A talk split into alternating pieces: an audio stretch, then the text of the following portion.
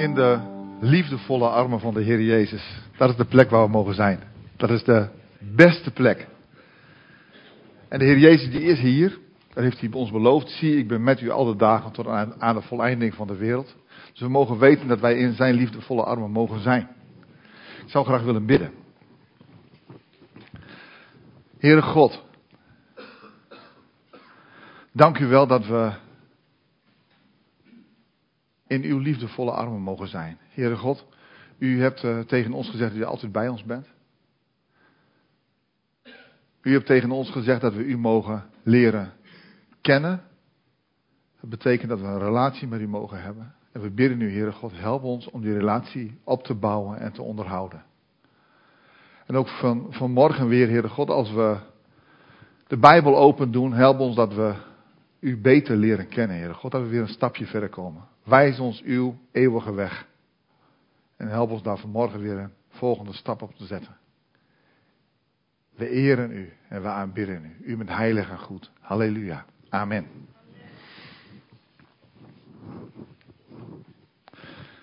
Hoe ziet het einde eruit? Een hele algemene vraag. Een slotakkoord vanuit Openbaring 15 en 16.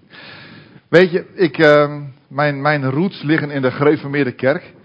En in de gereformeerde kerk was Openbaringen een vrij lastig boek. Ik heb daar uh, uh, eigenlijk niet zo gek veel over gehoord in die tijd dat we daar lid waren. Ook niet op de school en op catechisatie en verenigingen zo allemaal. Is eigenlijk het Bijbelboek Openbaringen nauwelijks aan de orde geweest. Het staat in de Bijbel. Het is het woord van God, zo wordt het ook erkend. Maar het is ingewikkeld. Toen ben ik uh, in 1998 gedoopt. En zijn we naar de Baptistengemeente gegaan in Hogeveen. Baptistengemeente Bethel. De voorganger daar was Henk Schouten. En eigenlijk had hij één hoofdbijbelboek. Openbaringen. En hij heeft ons daar heel veel onderwijs uit gegeven. En dat was, ja, stevig onderwijs. Uh, ook redelijk dat je zegt van, uh, ja, redelijk overtuigend. Toen ging ik in 2000 ging ik theologie studeren. En toen kwam ik op school. En het Bijbelboek Openbaringen werd bij ons neergelegd. En toen kwam er in plaats van die ene uitleg van uh, dominee Henk Schouten, kwamen er in één keer acht. En al die acht uitleggingen, al die acht uitwerkingen van openbaringen, waren allemaal geworteld in de Bijbel. En hoe ga je daar nou mee om? Dus ik vind vanmorgen een spannende morgen. Dat is voor mij een hele belangrijke. Ik vind het spannend. Maar ik geloof dat het Gods woord is en dat Gods woord open mag gaan. En dat we dus vanuit de Bijbel mogen kijken wat God tegen ons zegt. En ik wil dus even proberen om um, eigenlijk de beginpositie die iedereen heeft. En eigenlijk heeft iedereen een andere beginpositie. Eventjes los te laten en gewoon te kijken wat er staat. Nou, ik begin eventjes op een compleet ander plekje. Ik hou van musical. Uh, ik hou van de musical van onze kinderen op de basisschool, zeg maar. Dat vind ik heel leuk. Maar we zijn ook geweest naar The Fiddler on the Roof. Uh, dat is een fantastische musical. Die heeft gespeeld in Groningen. En toen hij daar was, toen dacht ik van daar wil ik heel graag heen. Het is een heel mooi verhaal. Een prachtig verhaal. Over een Joodse familie waar door de generaties heen echt dingen veranderen. Prachtig. Je leert er heel veel over de, over de traditie van de Joden. Alles wat daar, wat daar omheen zit. En uh, ja, het werd ook heel mooi uitgevoerd. Ik hou ook van die muziek. Maar we zijn, uh, toen ik 50 werd, heb ik uh, mijn, mijn gezin meegenomen naar de soldaat van Oranje. Dat is de tweede keer dat ik daar geweest ben. De eerste keer dat ik bij de soldaat van Oranje geweest ben, is ongeveer in 2012, 2013 geweest. Was een, een reisje of een, een, een, een uitje van de zaak. Was echt heel leuk. Maar toen dacht ik van hier wil ik graag mijn familie mee naartoe nemen. Dus we zijn met z'n allen zijn we daar geweest. Een hele, we zaten een hele rij vol. Ik verdiende toen nog wat meer. Ik, toen was ik geen voorganger op dat moment. ik weet nog, het kostte me meer dan 700 euro plus hotel. Om een avondje naar de musical te gaan. Maar het was de moeite waard. Ik weet niet of, je, of iemand van jullie wel eens bij de Soldaat van Oranje geweest is. Maar het is een musical ja, ik zie een aantal mensen ja bevestigend knikken. Het is een musical waar je met ongeveer anderhalfduizend mensen op een draaischijf zit. Het hele publiek zit op een draaischijf en dat draait het hele theater rond. Helemaal rond. En het gaat continu, is die, is die draaischijf in beweging. En dat gebeurt zo vloeiend en zo langzaam, dat je er eigenlijk geen erg in hebt. Maar tegelijkertijd ga je van podium naar podium. En er zijn heel veel verschillende podia. Ik zal eens wat laten zien. Dit is een, uh, een studentenhuis. Nou, dat is een gewoon podium wat je eigenlijk verwacht bij een musical, bij een toneelstuk. Een studentenhuis waar een aantal mensen met elkaar in gesprek zijn en naar elkaar zingen. Echt heel mooi. Maar dit is er ook. En dit is een strand met branding. En zo gauw als je bij dit podium komt en de, de, je, je, je schuift naartoe en de wanden gaan open, dan voel je het water voel je naar je toe komen. Het is echt zo realistisch. Je zit gewoon aan het strand. En het host daar, die mensen die daar rondlopen, die worden kletsnat. Dit is hetzelfde strand. Dus die achtergrond, daar is een projectie, die verandert dus ook. Dit is hetzelfde strand. En datzelfde strand, dat is ja, hier een, heeft een hele andere sfeer. Het podium is zo groot dat ze daar met een motor rondrijden. Dan, dan draai je een beetje mee. Dus die motor rijdt ook heel. Uh, hij begint daar, zeg maar. Je draait die kant op en die motor die rijdt mee. Dus je kan heel eind rijden. Je kunt hem helemaal volgen. En je, je ruikt daar de benzinedamp. Je, als er geschoten wordt, dan ruik je de kruiddamp. Het is zo realistisch. Er zijn zoveel podia. En dit is, eigenlijk is een hele bijzondere, heel bijzonder podium. Dit is namelijk de werkelijkheid. Dit is een deur naar het vliegveld en daar komt een Dakota aanrijden. En uit die Dakota stapt koningin Wilhelmina aan het einde van de Tweede Wereldoorlog. En daar komt ze weer op Nederlandse bodem.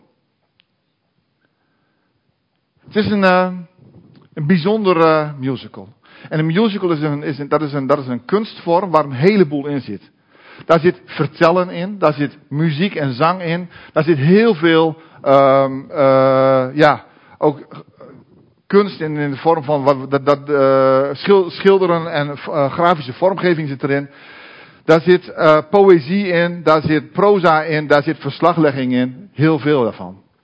En degene om wie het gaat, de soldaat van Oranje, Erik Hazelhoff, dat is een historische figuur. Dat is iemand die in de Tweede Wereldoorlog een heleboel betekend heeft voor, eigenlijk voor het Koninklijk Huis, maar ook voor Nederland. En hij is na de oorlog onderscheiden met de Koninklijke Willemsorde. Dat betekent dat als hij ergens komt en hij komt een generaal tegen, dan moet, hij zelf, moet zelfs die generaal voor hem salueren. Zo, zo'n belangrijke orde heeft hij gekregen. Dat is de hoogste orde die in Nederland gegeven wordt. Die heeft hij gekregen. Hij heeft dit verhaal uh, in de 70 jaren heeft hij hem geschreven. Er is een film van gemaakt, vervolgens is er een musical van gemaakt. Hij heeft aan de musical ook meegeschreven. Het script is mede door hem geschreven. Hij was er heel blij mee, want het was namelijk waarheidsgetrouw. Alleen, ja, in een musical moet ook een liefdesverhaal zitten. In zijn verhaal zat dat niet. Dus toen heeft de schrijver, die heeft gevraagd, hey, vertel eens wat over de vrouwen in die tijd. Dus hij heeft een aantal dingen over de vrouwen heeft hij verteld. En dat is meegenomen in het verhaal. Dus de liefdesverhalen, die zijn ook gebaseerd op echt bestaande karakters van toen. Dus het is een hele waarheidsgetrouwe manier van communiceren. Met heel veel verschillende manieren van communiceren erin. En uh, ja, als je er naartoe gaat, je wordt helemaal meegenomen. En dat is heel bijzonder. Waarom vertel ik dit? Waarom vertel ik dit? Ik vertel dit om te laten zien dat je op een heleboel verschillende manieren de waarheid kunt vertellen. Bij zo'n musical zit ook een programmaboekje. Dat programmaboekje kun je van tevoren lezen. En als je hem leest, dan dan leer je alvast iets over de karakters. En je kunt die karakters, die kun je dan plaatsen in het verhaal. Je kunt er ook voor kiezen om het niet te lezen. Dan ga je er wat onbevangener naartoe. Maar als je het niet leest, dan mis je ook een stukje van het verhaal. Het is allebei goed. Het is niet, niet fout, of, maar het is allebei goed. Maar het is wel belangrijk, het is een soort luisterwijzer, een soort kijkwijzer, een soort leeswijzer, waardoor je een, een, een focus krijgt.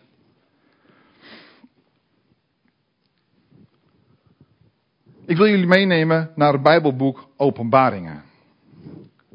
Openbaringen. Gods boodschap. En het wordt in het Bijbelboek Openbaringen verteld op een heleboel verschillende manieren. We zien in het Bijbelboek Openbaringen uh, vertellen. We zien uh, de, de vertelkunst zien we naar voren komen. We zien poëzie naar voren komen. We zien allerlei verschillende podia. heleboel verschillende ruimtes. Waar mensen en waar dieren en waar God ook dingen zeggen en waar dingen gedaan worden. We zien de meest fantastische creaties. Zoals een draak met zeven koppen en tien horens. Een, een lam wat geslacht is met zeven horens en zeven ogen. We zien vliegende paarden. We zien engelen. We zien God. Het is Gods boodschap. Van allereerste letter tot het einde. Het is volkomen betrouwbaar. En daar wil ik ook geen maar of geen komma aan toevoegen. Het is Gods woord. Het is natuurlijk helemaal waarheidsgetrouw. Wat we lezen in openbaringen moeten we niet met een korreltje zout nemen, omdat, wij, omdat de vorm ons niet aanstaat, of omdat wij het niet begrijpen. Het is geen, niet met een korreltje zout nemen. Het is Gods woord. En zo willen we het ook echt lezen. Het is helemaal waarheidsgetrouw. Maar het Bijbelboek Openbaringen zit stamvol, maar dan zeg ik ook echt mutje vol met symboliek. En met aanhalingen uit het Oude Testament. Als je kijkt, het Bijbelboek Openbaring heeft ongeveer 400 versen. Als je alle hoofdstukken bij elkaar optelt, kom je daar ongeveer uit. En het heeft 650 verwijzingen naar het Oude Testament. Dan kun je wel zeggen dat het echt mutje vol zit. En dat betekent dus ook dat een heleboel dingen die je in openbaringen vindt, die kun je uitleggen aan de hand van waar het heen, heen verwijst. Het is ook helemaal vol met aanhalingen uit de mythologie. En het lastige daarvan is, die kennen wij vaak niet, deze mythologische aanduidingen. Ik heb namelijk het verhaal bijvoorbeeld van de, uh, de vrouw die een kind baat, een vrouw met sterren om haar hoofd, die een kind baat en die meegenomen wordt naar de woestijn en een draak die daar achteraan een stroom water spuugt. Dat is bijna letterlijk een verhaal uit de Romeinse mythologie, alleen dan net anders. Het is een parodie daarop. Maar het gaat over God. En ja, ik hoorde hem en ik vond het eigenlijk onerbiedig om dat verhaal te horen. Ik vond het heel lastig. Maar het is wel een verhaal uit die tijd. En dat kenden die mensen. Dus dat dit een variatie daarop was, dat was best wel een, een spannend gegeven, ook voor hen. Het bevat ook heel veel referenties naar de tijd waarin het geschreven is. Met name naar het Romeinse keizerrijk. En een heleboel dingen zijn een spotprint van het Romeinse keizerrijk. En de dingen die daarin staan, ah ja, we mogen ons realiseren dus dat, dat het ook op die manier geschreven is. Daarvan wordt het niet minder Gods woord. Dus begrijp me goed, ik wil daardoor niks van de grootheid of van de betekenis afdoen. Maar we moeten ons wel realiseren dat ook dit erin zit. Dat zit er gewoon in. Er zijn heel veel verschillende scenario's. En ook die scenario's die kunnen we vaak duiden vanuit het uh, uh, Oude Testament kunnen we vaak zien van oké, het gaat hier over de woestijn, of het gaat hier over uh, de troonzaal van God, of het gaat hier over uh, de wereld, of ja, heel veel dingen kunnen we dan duiden vanuit het Oude Testament. En ook de dingen die we daar zien kunnen we duiden vanuit het Oude Testament. En daar wil ik straks ook een paar dingetjes van laten zien en ook proberen om daar een betekenis uh, aan te koppelen. De uitleg van openbaringen. Openbaringen betekent niet verstoppingen maar het betekent onthullingen. Dat betekent dat het door het Bijbelboek Openbaringen duidelijker mag worden, in plaats van onduidelijker. Het betekent ook niet voorspellingen. Dat is wel even belangrijk. Het is geen puzzel waarvan we zeggen we leggen A en B en C bij elkaar en dan moet het daarop terechtkomen of zo. En hey, verhip, hè. En zeker Hal Lindsey heeft dat gedaan en dat heeft een levenswerk van gemaakt. Een fantastisch levenswerk. Alles klopte, het hele verhaal klopte. Het was een hele grote puzzel. En aan het einde, toen, toen de muur viel in Oost-Duitsland, toen was zijn hele levenswerk eigenlijk voor niets geweest. Want toen bleek het verhaal niet meer te kloppen. Toen klopte de puzzel niet meer. Dus ik denk, en ik denk dat heel veel van ons ook wel uh, scenario's kennen vanuit het verleden waar, uh, uh, waar openbaringen uitgelegd werden. Echt stapje voor stapje. En uiteindelijk komt er een fantastisch verhaal uit. Maar dan gebeurt er wat. En in één keer is het niet meer kloppend. Er zijn heel veel uh, complottheorieën uit openbaringen gekomen. En die blijken dan na verloop van tijd niet meer te kloppen. Ik heb er heel veel voorbij zien komen. Ik heb er zelf ook wel aan meegedaan. Dat ik dacht van, ja, hey, volgens mij is het dat en dat en dat. En dan wacht je een half jaar en dan blijkt het niet zo te zijn. En dat. Dus ik, ik, ik vind het heel erg lastig hierbij. En wat ik het allermoeilijkste vind is, als wij proberen om het Bijbelboek Openbaringen kloppend te krijgen met onze hersenen, met onze gedachten, dan kan het maar zo zijn dat we de boodschap volledig missen. En dat kan ik illustreren aan de hand van de geschiedenis van de Heer Jezus. De Heer Jezus die kwam op aarde als de Messias. Hij was de gezalfde van God. En de Bijbel, het Oude Testament, spreekt over hem. Ongeveer 900 keer. Echt heel erg veel aanhalingen van het uit, of profetieën vanuit het Oude Testament komen in hem in vervulling. Hij kwam op aarde. Hij stierf voor ons. Hij is opgestaan uit de dood en naar de hemel gegaan. Wij mogen hem dienen, wij mogen hem eren. De theologen uit die tijd hebben hem volledig gemist. Die hebben hem voorbij laten gaan. En dit is zo van, ja, hier kunnen we niks mee. Dit is niet zoals wij het bedacht hebben. En dat is elke keer weer, zeggen ze bijvoorbeeld van, kijk maar eens in de boeken, er komt geen profeet uit Galilea. Nou, de Heer Jezus die kwam uit Galilea, maar hij is geboren in Bethlehem. Maar toen er in Bethlehem een koning werd geboren, toen was het voor hen ook niet de moeite waard om erheen te gaan. Want hij had er een ander plaatje bij. Een heel ander beeld bij. En zo wil ik eigenlijk niet staan als de Heer Jezus terugkomt. Dat ik denk van ja, maar Heer Jezus, dit is niet het plaatje, want het past daar niet in. Nee, ik wil het leren. Ik wil open leren staan voor datgene wat God ons wil laten zien. En dat is verschrikkelijk moeilijk. Dat is echt heel erg moeilijk. Openbaring is onthulling. Die verschillende uitleggingen, die zijn vaak wel bijbelgetrouw. Daar wil ik er wel even bij zeggen. Dus ik wil niet, de, de mensen die uitleggingen geven, die blijven vaak heel dicht bij de Bijbel. Maar ik vertelde dat ik op school kwam en dat er acht verschillende uitleggingen waren. En die hadden allemaal hun eigen Bijbeltekst. Allemaal hun eigen Bijbeltekst. En oké, er zat een stukje uh, fundament onder wat bij de een anders ligt dan bij de ander. Ik bedoel, vanuit de katholieke kerk wordt openbaringen anders aangevlogen als vanuit de gereformeerde kerk en vanuit de evangelische hoek. Dat zijn wel drie verschillende dingen. Maar dan nog is er ook uh, alleen al bijvoorbeeld als het gaat om uh, de opname van de gemeente. Er zijn groepen die geloven dat de gemeente wordt opgenomen, er zijn groepen die geloven dat die niet wordt opgenomen. Maar goed, dan zeg je van oké, ik hoor erbij bij die groep waar die wordt opgenomen. Maar wordt de, de gemeente opgenomen voor, tijdens of na de grote verdrukking? En voor alle drie zijn papieren. zijn duidelijke teksten. Ik kom er straks trouwens wel even op terug, want ik wil er wel even wat over zeggen. Maar er zijn veel verschillende uitleggingen, maar die zijn allemaal bijbelgetrouw. Als je aan, de, aan degene die zo'n zo'n zo'n visie aanhangt, als je dan met hun in gesprek gaat en je vraagt aan hun waarom is dat zo, dan leggen ze dat gewoon keurig uit en dan kloppen de bijbelteksten. Wat ook lastig is, is, er staan heel veel dingen in die symbolisch zijn, maar wat is nou symbolisch?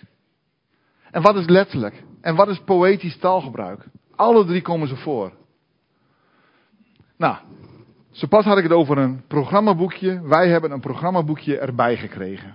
En dat programmaboekje die staat in ieder geval, ik zal iets erover lezen, uit Lucas 21. En dat gaat over uh, de Heer Jezus die vertelt aan, de, aan het volk uh, over de dingen die gaan gebeuren. De reden over de laatste dingen. Is, zo staat dat bekend.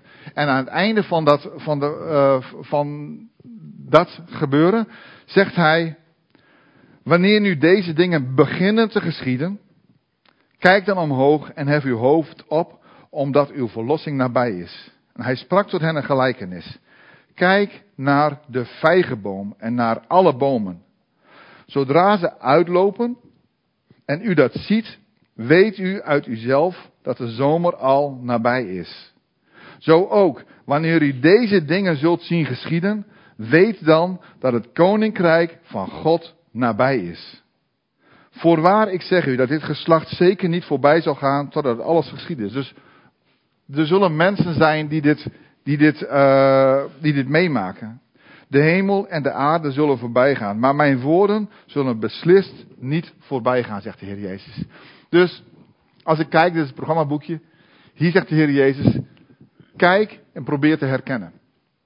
Dus niet probeer te voorspellen, maar probeer te herkennen. Dat is andersom. En wat ik dus wil vragen aan jullie, en eigenlijk, dat is misschien meer, meer een vraag aan mezelf. Raak vertrouwd met, met, met het Bijbelboek Openbaringen bijvoorbeeld. En met de reden over de laatste dingen. Raak ermee vertrouwd. Want als wij zien wat er gebeurt, dan weten we dat er wat staat te gebeuren. Het is niet zo dat ik zeg, ik, uh, ik, laat me verrassen. Ja, ik laat me wel verrassen. Ik bedoel, ik kan niet vertellen hoe het allemaal precies tot in detail gaat. Maar ik mag, het wel, ik mag er wel vertrouwd mee raken. En daarvan uit, vanuit dat uitgangspunt, wil ik graag vandaag bezig gaan met openbaringen. En we gaan kijken naar openbaring hoofdstuk 15 en 16. Dat staat bekend als het gedeelte over de zeven schalen.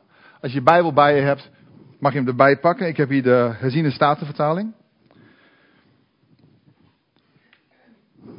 Eigenlijk is het zo dat dit fase 3 is. Fase 1 en fase 2 zijn al geweest. Dat staat bekend als de zeven zegels en de zeven bazuinen. Laatste van die zeven zegels is eigenlijk dat de Heer Jezus, of dat, dat er gezegd wordt, stop, ik ga nog niet verder met het oordeel. Laatste van de zeven bazuinen is ook, stop, ik ga niet verder met het oordeel. Het eerste stukje, de zegels, dat gaat over een kwart van de wereld. Dus de wereld zal het zwaar hebben. Er zullen echt een kwart van de wereld zal eigenlijk kapot gaan, zoals ik het nu, zoals ik het even in mijn woorden zeg. De zeven bazuinen, daar gaat het over een derde. Nou, als je dan een kwart weg hebt, je hebt nog drie kwart over, neem een derde van. Dat betekent dat bij elkaar de helft is. Dat is, oké, een snel rekensommetje, maar ga ervan uit, dan zijn we ongeveer op de helft. Um, en dan komen nu de schalen. En de schalen, de zeven schalen, dan zul je zien, dat gaat over de hele wereld.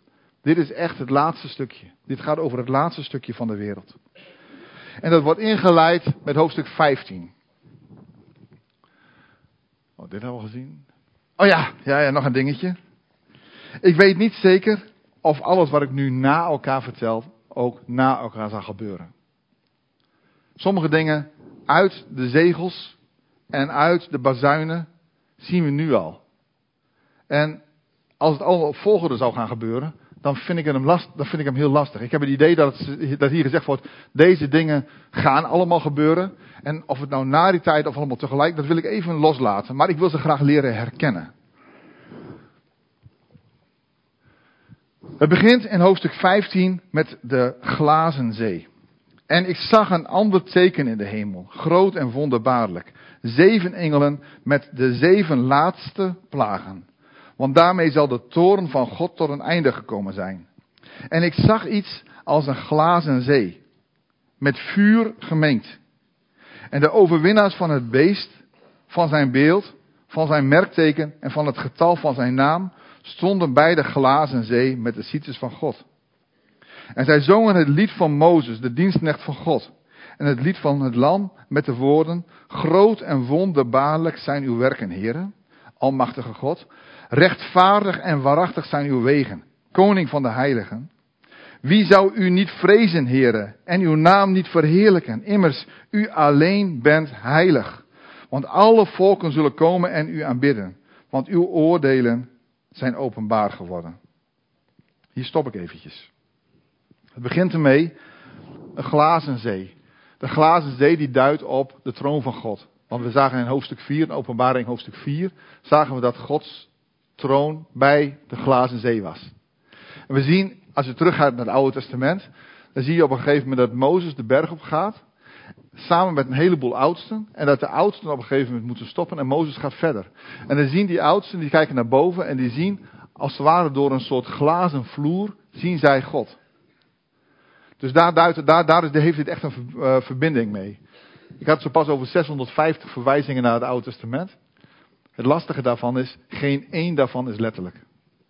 Dus alles linkt eraan, lijkt erop, is ervan afgeleid.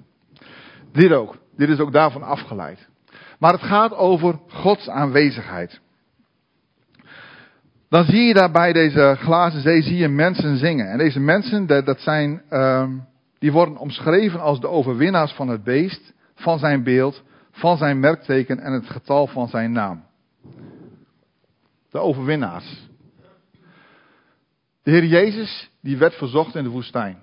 Ik, haal er, ik, haal er, ik realiseer me dat ik er een boel bij haal. Maar ik vraag jullie om van, vanmorgen je even schrap te zetten en eventjes mee te De Heer Jezus die werd verzocht in de woestijn. En toen hij verzocht werd in de woestijn kwam de duivel bij hem en die zei tegen hem, kniel voor mij.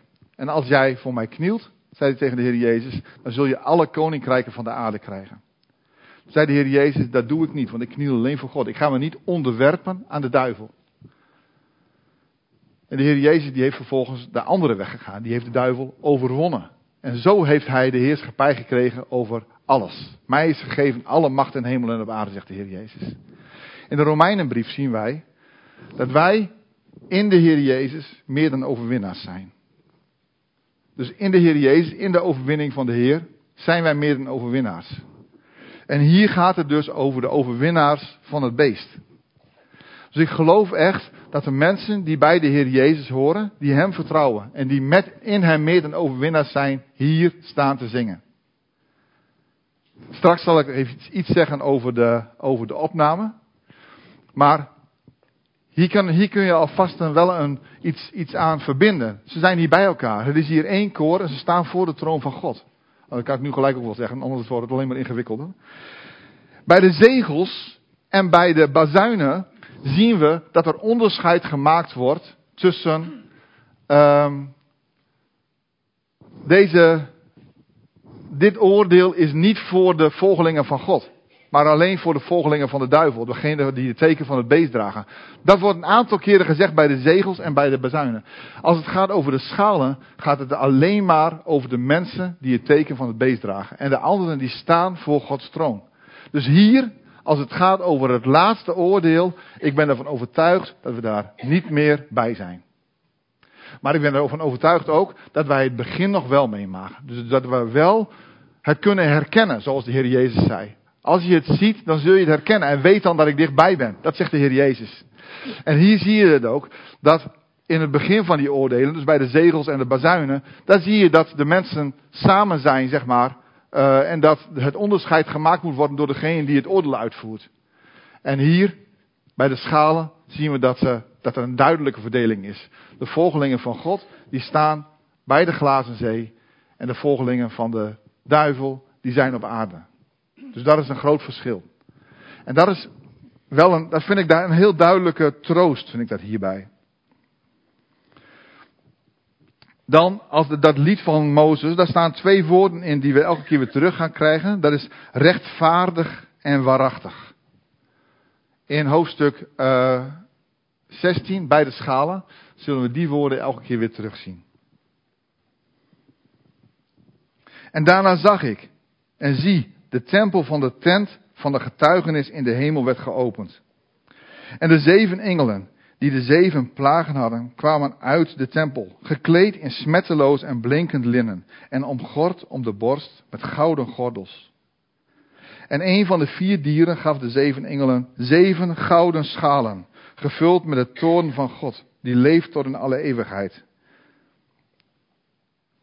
En de tempel werd vervuld met rook vanwege de heerlijkheid van God en vanwege zijn kracht.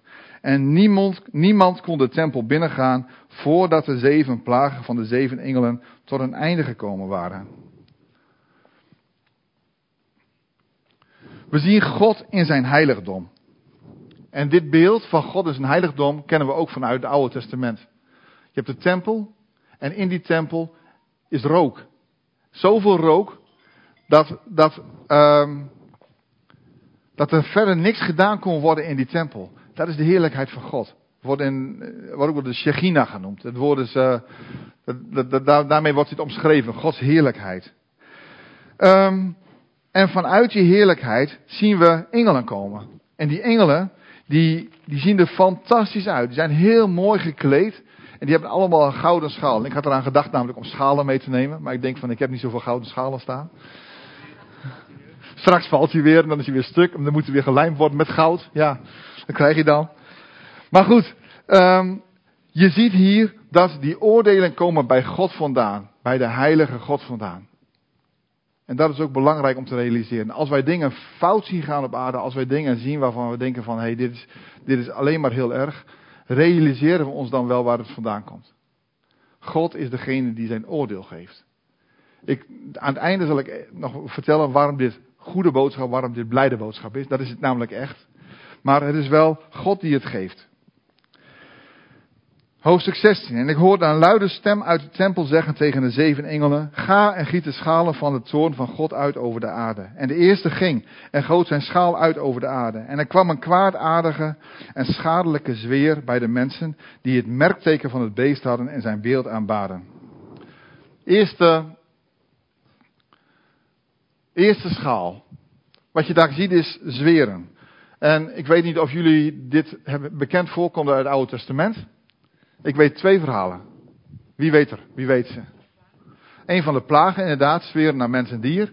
En nog eentje. Wat zei? De ark. De ark, ja. Dat was eigenlijk toen de ark was, uh, veroverd door de Filistijnen.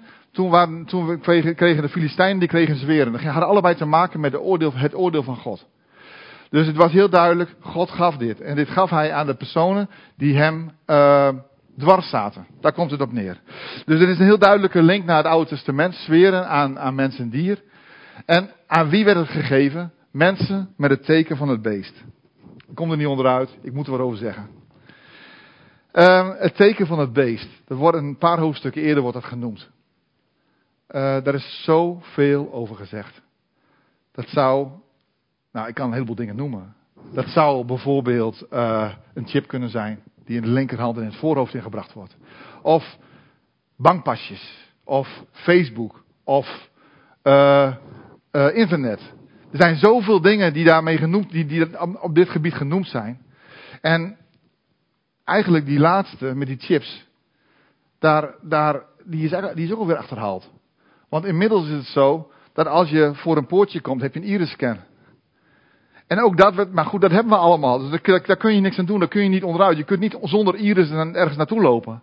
En als je in China loopt, dan wordt je gezicht herkend aan de hand van gezichtskenmerken. En daar zijn een miljard Chinezen. En die kunnen allemaal uit elkaar gehaald worden. Dus ook dat is al dat je denkt van ja, je kunt daar niet voor kiezen. Toen, ik heb het dus met mijn docent over gehad, want ik volg op dit moment een uh, theologische opleiding, weer. En ik vroeg aan hem van hoe, hoe zit dat met het teken van het beest? Eh, waar kunnen we daaraan linken? Hij zegt, denk eens goed na het Oude Testament. 650 verwijzingen, weet je nog wel? Denk eens goed na het Oude Testament. Linkerhand en voorhoofd. Dan kom je uit bij het Shema. Het Shema, dat is de, eigenlijk de, de, de roep van, hoor Israël, de Heer onze God, de Heer is één. En een stukje verderop staat daar, bewaar deze woorden op uw voorhoofd en op uw hand. En dan hebben de Joden, die hebben daar een, een, een gewoonte van gemaakt om een doosje met een wetboek op hun voorhoofd te hebben en op hun linkerarm met de banden naar hun hand toe. heet het tefilim. En um, wat daarmee uitgedrukt wordt is de onderwerping aan God. De volledige onderwerping aan God. De duivel is de grote imitator en die probeert dus om dat ook zichtbaar te maken. Hij zegt, dit gaat niet over een een, een chip of weet ik veel wat. Hij zegt, dit gaat gewoon over onderwerping. En hij zegt, laat het daar maar bij. Dat het over onderwerping aan de duivel gaat. Daar kiezen mensen voor. Om zich te onderwerpen aan de duivel. En dan hoef je er verder ook geen uitleg aan te geven, zeg maar. Je hoeft er geen invulling aan te geven. Want die onderwerping, daar gaat het om. Dat is het hart van het teken van het beest. De onderwerping aan de duivel. Dus deze staat dan tegenover uh, de mensen die het beest hebben overwonnen. Dus onderwerp je aan de duivel. Dus de Heer Jezus die op, die, uh, op de berg was en die door de duivel verzocht werd. En de duivel vroeg aan hem, onderwerp je aan mij? Of ja, die gaf hem eigenlijk de opdracht, onderwerp je aan mij? En de Heer Jezus zegt, dat doe ik niet. Ik ga er overheen. En in hem zijn wij meer dan overwinnaars. Dus op het moment dat je in Jezus bent, dan heb je je niet onderworpen aan de duivel. Maar dan ben je deel van zijn overwinning. Is dit, uh, ik vind dit wel een belangrijk ding eigenlijk, deze. Dus ik, ik, denk van, ik waag mij aan het teken van het beest. Hoe spannend ik hem ook vind. Maar ik, dit, dit, is, dit is, volgens mij is dit de essentie. De essentie is niet dat wij gaan proberen om te gaan invullen. Maar de essentie is dat we gaan kijken van waar gaat het om. En het gaat hier echt om onderwerping aan de duivel. En dat is eigenlijk volgens mij helemaal helder. Het refereert dus aan de Egyptenaren en aan de Filistijnen. En misschien aan nog wel meer situaties. Komen we bij schaal 2. En 3. Die neem ik even samen. En de tweede engel goot zijn schaal uit in de zee en die werd bloed als van een dode. En elk levend wezen in de zee stierf. Dus de hele zee ging dood. En de derde engel goot zijn schaal uit in de rivieren en de waterbron en het water werd bloed. En ik hoorde de engel van de wateren zeggen, u bent rechtvaardig, heren, die is, die was en die zal zijn, dat u, oordeel, dat u dit oordeel geveld hebt, aangezien zij het bloed van de heiligen en van de profeten vergoten hebben, hebt u ook hun bloed te drinken gegeven, want zij verdienen het. En ik hoorde een ander bij het altaar vandaan zeggen, ja heren, almachtige God, uw oordelen zijn waarachtig en rechtvaardig. Heb je ze weer, waarachtig en rechtvaardig. Gods oordelen zijn echt. En ze zijn er eigenlijk voor het beest en voor de aanhangers van het beest. Dus voor de duivel en voor degenen die zich aan hem onderworpen hebben. Daar, daar is het oordeel voor. En het gaat niet zozeer omdat God de mensen wil veroordelen. Want God wil graag dat iedereen behouden wordt, dat niemand verloren gaat. Maar de duivel die heeft macht verworven. En degene die zich daaraan onderwerpt, die gaat dan met hem mee. Die wordt met hem meegesleept als het ware. Zout en zoet water veranderen in bloed. En de engel zegt, u bent rechtvaardig. U bent God, u bent goed. Het refereert aan de Egyptenaren. Water verandert in bloed. Dat is de eerste plaag. Uh, toen het volk Israël uit Egypte ging. En het refereert denk ik ook aan Sodom en Gomorra. Een uh, vruchteloze zee. Een zee waar helemaal niks in kan groeien. Dus daar, uh, dat het allebei had het ook te maken met het oordeel van God. Vers 8 en 9. En de vierde engel goot zijn schaal uit over de zon en haar werd macht gegeven de mensen te verzingen met vuur. En de mensen werden verzinkt door grote hitte. Maar zij lasterden de naam van God, die macht heeft over deze plagen, en zij bekeerden zich niet om hem eer te geven. Schaal 4. De zon gaat branden. We hebben te maken met opwarming van de aarde. We hebben te maken met uh, temperatuur op aarde die steeds verder stijgt. Uh, in sommige gebieden waar je vroeger wel kon zijn, kun je nu gewoon niet meer zijn. Is het gewoon te warm. Uh, zou dit misschien een opmaat zijn hier naartoe? Ik laat het gewoon staan. Ik, de Heer Jezus zegt, kijk naar, de, kijk naar de boom. Als je ziet dat er knopjes aankomen, dan weet je, er gaat wat gebeuren. Wij mogen leren te herkennen. We mogen leren vertrouwd raken met het woord van God. Dit is niet de eerste plaag waar het bij naar voren komt. Ook bij de, ik weet niet of het nou de zegels of de bezuinen waren, wordt dit naar voren gebracht. Dat de zon heel warm wordt. Maar dit gaat nog een stapje verder. Mensen lasteren God en knielen niet. En weet je wat dat betekent? Dat betekent dat ze nog kunnen knielen. Dat betekent het. Dit betekent dat de mensen op dat moment, zelfs op dat moment nog, tegen God kunnen zeggen, u bent God. En we eren en aanbidden u. Wij onderwerpen ons aan u. En dan, zijn, dan ben je met Jezus meer dan overwinnaar. Dat kan dan nog. Het is nog steeds genadetijd. Ik vind het heel bijzonder om dat te zien. Dat tijdens het laatste stukje, elke keer, dit refrein komt namelijk vaker terug, elke keer gezegd wordt, en zij knielden niet en zij bekeerden zich niet. Dit refereert volgens mij aan de droogte bij Elia. Elia die uh, naar uh, toe ging en die zei, er zal geen dauw of regen zijn, tenzij dan op mijn voort. En toen werd het drie jaar lang werd het helemaal droog. Vers 10 en 11. En de vijfde engel goot zijn schaal uit over de troon van het beest. En zijn koninkrijk werd verduisterd. En zij beten op hun tong van pijn. En zij lasterden God van, de God van de hemel vanwege hun pijn en vanwege hun zweren. Maar zij bekeerden zich niet van hun werken. Nogmaals hetzelfde refrein. Het kan nog steeds. Het wordt donker. En mensen hebben pijn. Dat, zal, dat, zal dan, dat, dat lijkt op die eerste uh, schaal waar zweren waren. Want er staat dat mensen. Uh, en zij lasten de God van de hemel vanwege hun pijn en vanwege hun zweren. Dus het wordt donker en mensen hebben pijn. Als je dan kijkt naar donker, dat refereert ook weer naar Egypte. Drie dagen dikke duisternis. Ik heb dat, dat rijtje met plagen dat ik vroeger uit mijn hoofd geleerd. Dit was eentje, drie dagen dikke duisternis.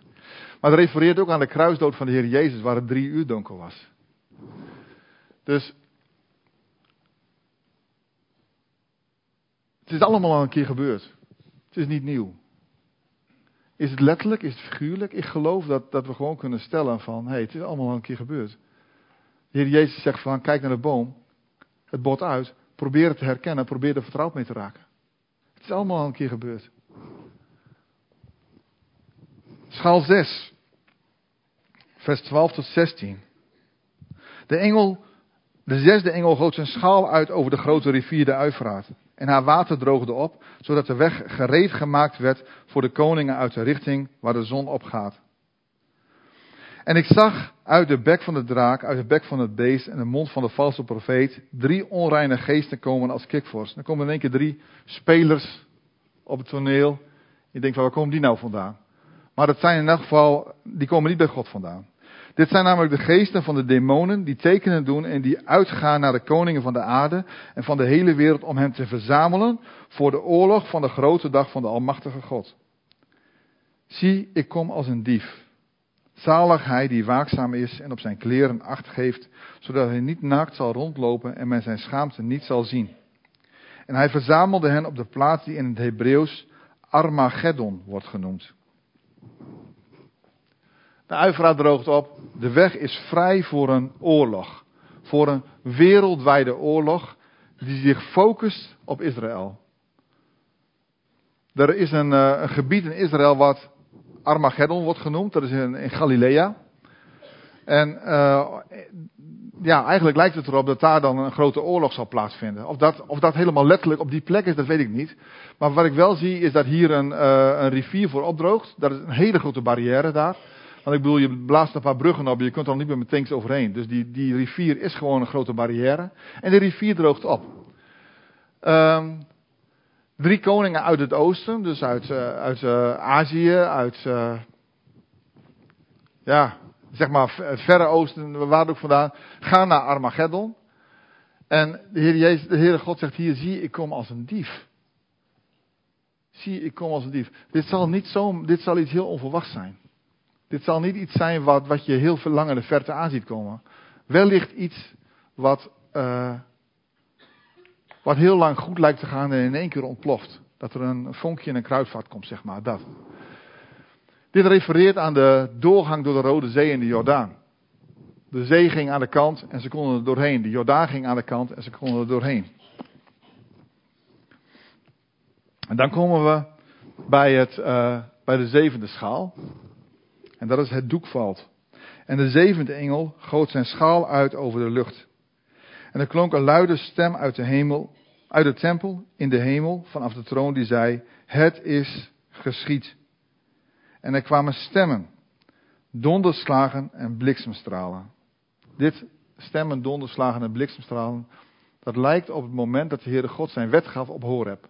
Dat was zo indrukwekkend dat ze mensen niet naar durfden te luisteren en tegen Mozes zeiden: Gaat u alstublieft met God in gesprek, wij durven het niet. Dus het gaat over de aanwezigheid van God. En er kwam een grote aardbeving, zo één als er niet, niet is geweest sinds er mensen op de aarde geweest zijn. Zo'n aardbeving, zo groot. En de grote stad viel in drie stukken uiteen. Dus de grote stad, dat is dan, ja, in dit geval wordt het uh, Babylon. En dat is een symbool voor uh, eigenlijk de, de wereld, zeg maar. Laat ik het, misschien is het goed om gewoon geen, geen locatie aan te verbinden. In uh, uh, openbaringen wordt het vaak gelijk getrokken met Rome. Uh, in de omschrijvingen. Maar uh, ja, het is ehm, de wereld als het ware die. De, de grote stad viel in drie stukken uiteen en de steden van de heidenvolken stortten in. En het grote Babylon kwam bij God in gedachtenis en hij gaf haar de drinkbeker met de wijn van zijn grimmige toorn. En alle eilanden zijn op de vlucht geslagen. Wat een aardbeving. De eilanden verdwijnen gewoon, die gaan kopje onder. En de bergen waren er niet meer te vinden. Het hele Himalaya-gebergte wordt gladgetrokken. Pyreneeën, de Alpen, het wordt allemaal, gaat over de kop. Het, het wordt als het ware zo hard geschud dat er niks meer van overblijft. En grote hagelstenen, elk ongeveer een talent pond zwaar, dus ongeveer 50 kilo. Ja, ik, ik heb van 30 tot 75 gezien. Ja. vielen uit de hemel op de mensen neer. Moet je je voorstellen dat er een, een steen van 50 kilo, van ongeveer, nou laten we zeggen een kilometer hoogte, naar beneden valt. Die komt hier op het dak terecht. Hij vertraagt nauwelijks. Dat gaat gewoon door. Dus als er zware hagelstenen komen van 50 kilo, dan kun je je niet meer verstoppen. Dan is het gewoon, als, je raak, als het raken is, is het over, zeg maar. Vielen uit de hemel op de mensen neer. Maar de mensen lasterden God vanwege de plaag van de hagel. Want de plaag van de hagel was zeer groot. En wat opvallend is, hier staat niet bij dat ze, dat ze niet knielden. Hier staat alleen bij dat ze lasterden. Dus deze mensen, hier valt het doek. Dit is een uh, omschrijving van het, het, het laatste oordeel. En ik denk dat wij hier vertrouwd mee mogen raken. En we zien dat de wereld er al vertrouwd mee is. Er zijn talloze films over gemaakt. Over het oordeel. En dat zijn allemaal films door mensen die eigenlijk niet God willen eren. We hebben, ja, apocalyptische toestanden, zeg maar. Dat zijn, dat zijn uh, toestanden die spreekwoordelijk zijn voor ja, chaos op aarde, zeg maar. Dus wij, je kunt gewoon stellen dat de wereld dit gelooft. Laten wij hier vertrouwd mee raken. Laten we er gewoon vertrouwd mee raken dat we kunnen zien wat er gaat gebeuren. Dit is, dit is het laatste stukje. En de Heer Jezus zegt van, als je het begin ziet, let dan op. Hef je hoofd omhoog, want ik kom. En je ziet hier dat de heiligen van God met hem zingen bij de glazen zee. En dat degenen die het beest aanbidden, die het merkteken van het beest dragen, die zich, die zich onderworpen hebben aan het beest, dat die dit meemaken. Maar dat ze nog de kans krijgen om, om zich te bekeren. Want Jezus kwam om mensen te redden. Hij kwam echt om mensen te redden. Die, uh, oh ja, nog één dingetje over die hagelstenen. In Egypte was ook een van de plagen hagel en vuur. Dus al deze dingen die nu genoemd worden, zijn al een keer gebeurd. Maar er was nog een situatie met een oorlog, uh, uh, waar, in het Oude Testament. En de, het leger van de vijand is toen verslagen door een hagelbui. En dus God maakt vaker gebruik van dit middel, zeg maar. Het zijn geen nieuwe dingen. Dus ik geloof echt wel dat we mogen realiseren van, dit zijn dingen die staan te gebeuren. De zondvloed is ook geweest. Was ook een allesvernietigende ramp. Dus God, die, die, die, die, die kan dat. Die is groot, die is zo groot. En het enige wat Hij wil, is dat wij Hem eren, Hem groot maken. Daarvoor zijn we gemaakt. Wij zijn gemaakt om de aarde uh, te onderhouden en om Hem te eren, om Hem groot te maken. En ja, als je een, uh, een hamer gebruikt om te zagen, of andersom, een zaag gebruikt om te hameren, dan gaat de boel stuk. Dat gaat niet werken. Zo is ook met ons. Wij zijn gemaakt om God groot te maken en God te eren. Als wij voor iets anders ingezet worden, dan gaat stuk, dat gaat niet goed. Gods blijde boodschap. Allereerste, wat is de blijde boodschap van dit verhaal? Het allereerste is, ons jaarthema is super actueel. Namelijk, maak alle volken tot mijn discipelen. Ieder die zich onderwerpt aan God, zal met ons gaan zingen bij de glazen zee. Neem ze mee. Neem ze mee. Het is, het, ik geloof echt dat we nu al dingen zien gebeuren. Dat, die, dat we die bomen zien uitbotsen. Dat geloof ik. Stapje voor stapje zien we daar dingen van werkelijkheid worden. Dus dit is gewoon het eerste stukje. Er is tijd, er is hoop, er is genade voor iedereen. Gods oordeel is waarachtig en rechtvaardig. Waarom? God is God en God is goed. En waarachtig en rechtvaardig betekent, wij moeten, dit wij moeten dit God niet gaan verwijten. Wij mogen wel boos zijn op de duivel. Want die probeert de boel helemaal kapot te maken en die probeert mensen met hem mee te krijgen met alleen maar leugens. Maar wij hoeven niet uh, uh, Gods goedheid te gaan betwijfelen. Hou je vast aan de goedheid van God. Hij is waarachtig en rechtvaardig. Het is allemaal al eens gebeurd. Dus ik denk dat, dat veel dingen gewoon niet symbolisch zijn, maar gewoon echt waar zijn. Maar of nou een hagelsteen 30 of 80 kilo is, ik weet het niet. En het invullen hiervan, ik, ik, ik zie het alleen als een risico, want ik zie al zoveel situaties, zoveel verhalen zie ik al ontmanteld worden in de loop van de tijd. En Door complotten is zoveel kapot gegaan. Dus ik wil je vragen om niet te gaan invullen, maar te gaan herkennen. Er is genade. Er is de weg met God. Dit is de blijde boodschap. Ik zou graag nog samen willen bidden.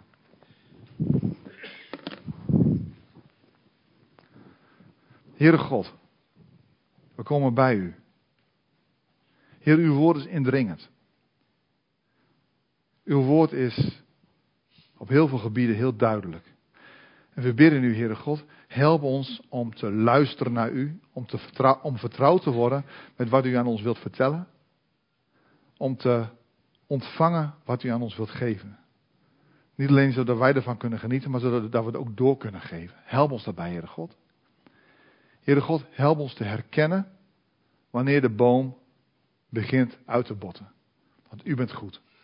We eren en aanbidden u. U bent goed. Halleluja. Amen.